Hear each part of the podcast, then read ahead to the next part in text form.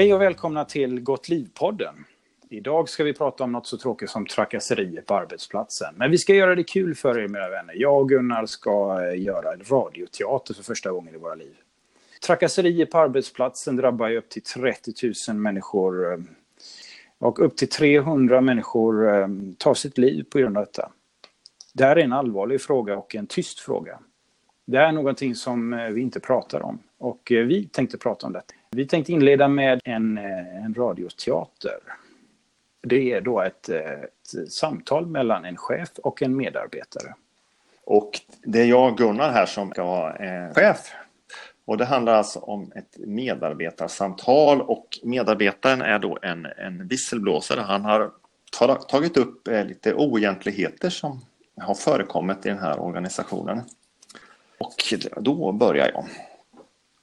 Det är många som tycker att du frågar för mycket. Va? Vilka säger det? Det kan jag inte säga. Varför inte då? Det vet du bäst själv. Nej, nu förstår jag inte det. Det gör jag faktiskt inte. Jo, det gör du nog. V vad är det du säger? V vad har jag frågat? Ja, det vet du nog bäst själv. Nej, men jag gör faktiskt inte det.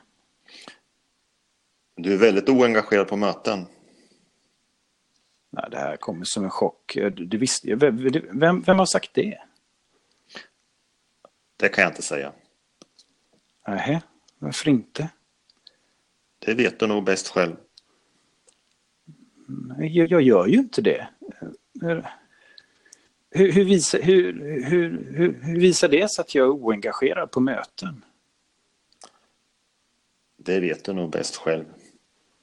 Men gud. Jag gör inte det. Jo, det vet du nog. Du bör nog tänka över lite hur du beter dig. Men jag, jag förstår faktiskt inte detta. Det gör det nog. Det blir ingen löneförhöjning i år. Men varför inte det? Jag, jag ligger i topp på, på publicerade vetenskapliga artiklar. Jag har varit med i radio och tv, undervisningen går bra. Allt går jättebra. Jag, jag förstår inte detta. Du är illojal. Jaha. Eh, hur har det yttrat sig? Det vet du nog själv. Nej, jag förstår inte. Man kan inte bete sig som du gör. Nej, men, vad, vad menar du? Det vet du nog bäst själv.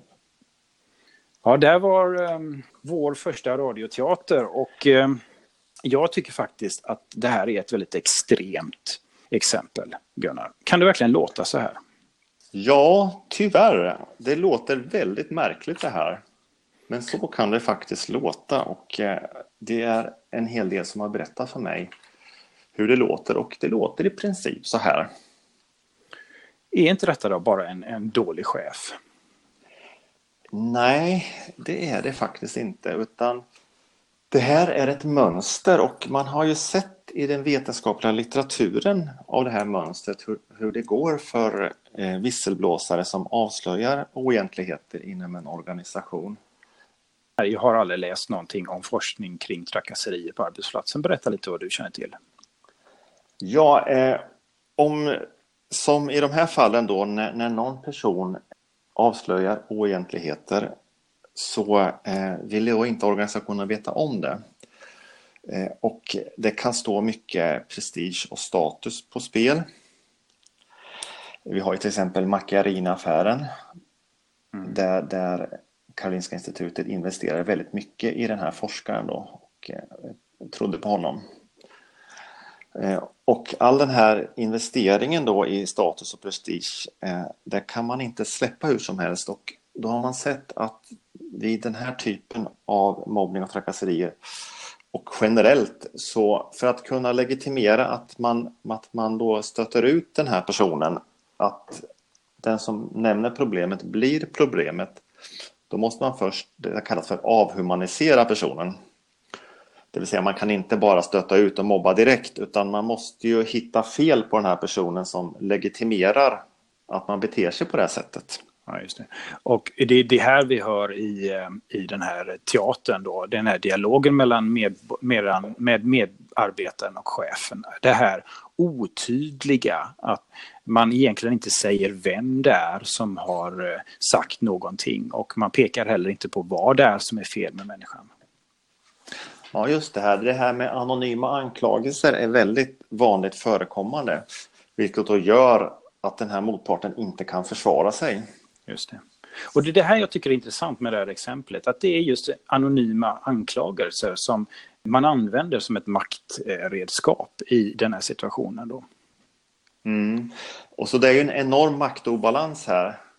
Den ena parten har all makt och den andra ingen makt alls. Och det är ju detta då som jag ser, ehm, du och jag har ju pratat en del om detta och ehm, vi ser ju då eh, bland annat i, i beroende på naturligtvis, det är skillnad på arbetsplatser och sådär och vad man kan göra. Ehm, det är lättare att ställa krav i en offentlig verksamhet egentligen. Arbetsmiljömärket, de jobbar ju med den här typen av fråga. Har de egentligen någon kraft att gå in här och göra någonting? Arbetsmiljöverket, de har ju föreskrifter men det blir ju inga konsekvenser om de inte följs. Så Arbetsmiljöverket går ut och tittar då, eller kan titta, om, om de här finns, de här föreskrifterna finns. Men, men de säger att de tar inte upp enskilda fall. Så att egentligen så betyder det inte så mycket de här föreskrifterna. Om man inte vill följa dem så gör man inte det. Nej, och eh, detta är det trots då att det är upp till 300 människor eh, per år som eh, tar sitt liv på grund av detta och eh, upp till 30 000 är då långtidssjukskrivna. Det här är ju som sagt en av eh, de här stora frågorna som, som finns i den psykosocial ohälsa på arbetsplatser som vi måste ha bättre verktyg för att kunna hantera. Och eh, vad jag förstår så föreslår du att eh, någon instans ska få ha lite mer makt och eh, påverka i den här situationen? Ja, det, det, måste ju till lagar.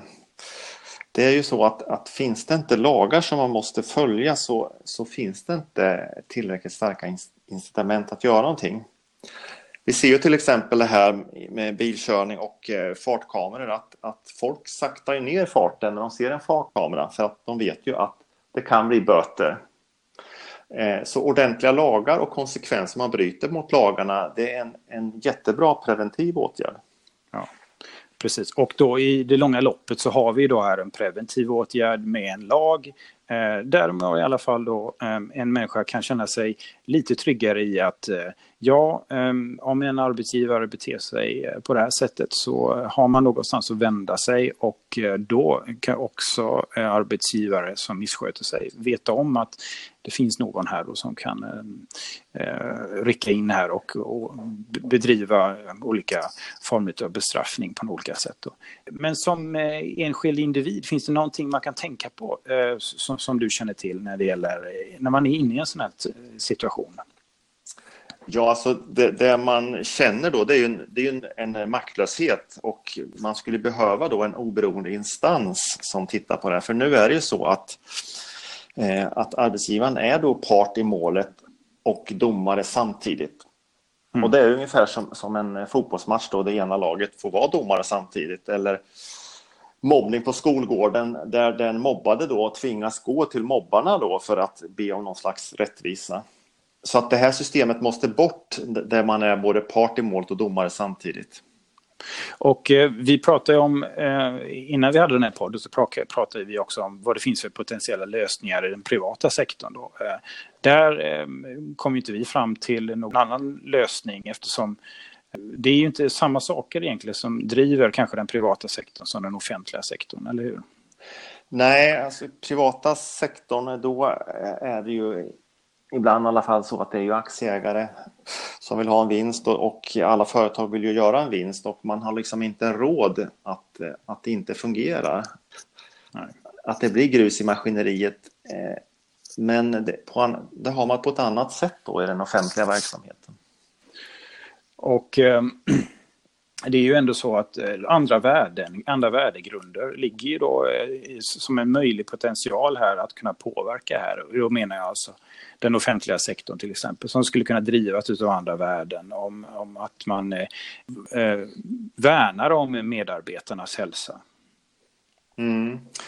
Det måste finnas en insikt hos alla att det är den här maktobalansen och då kan man inte agera på det här sättet att man är då part i målet och domare samtidigt. Utan man, man, det måste finnas en oberoende instans som, som sköter det här. Och det skulle gynna alla då, för då skulle inte det här gå så långt att folk blir långtidssjukskrivna eller i värsta fall begår självmord för att de känner sig så utsatta. Och eh, ändamålen får ju inte heller helga medlen, eller hur?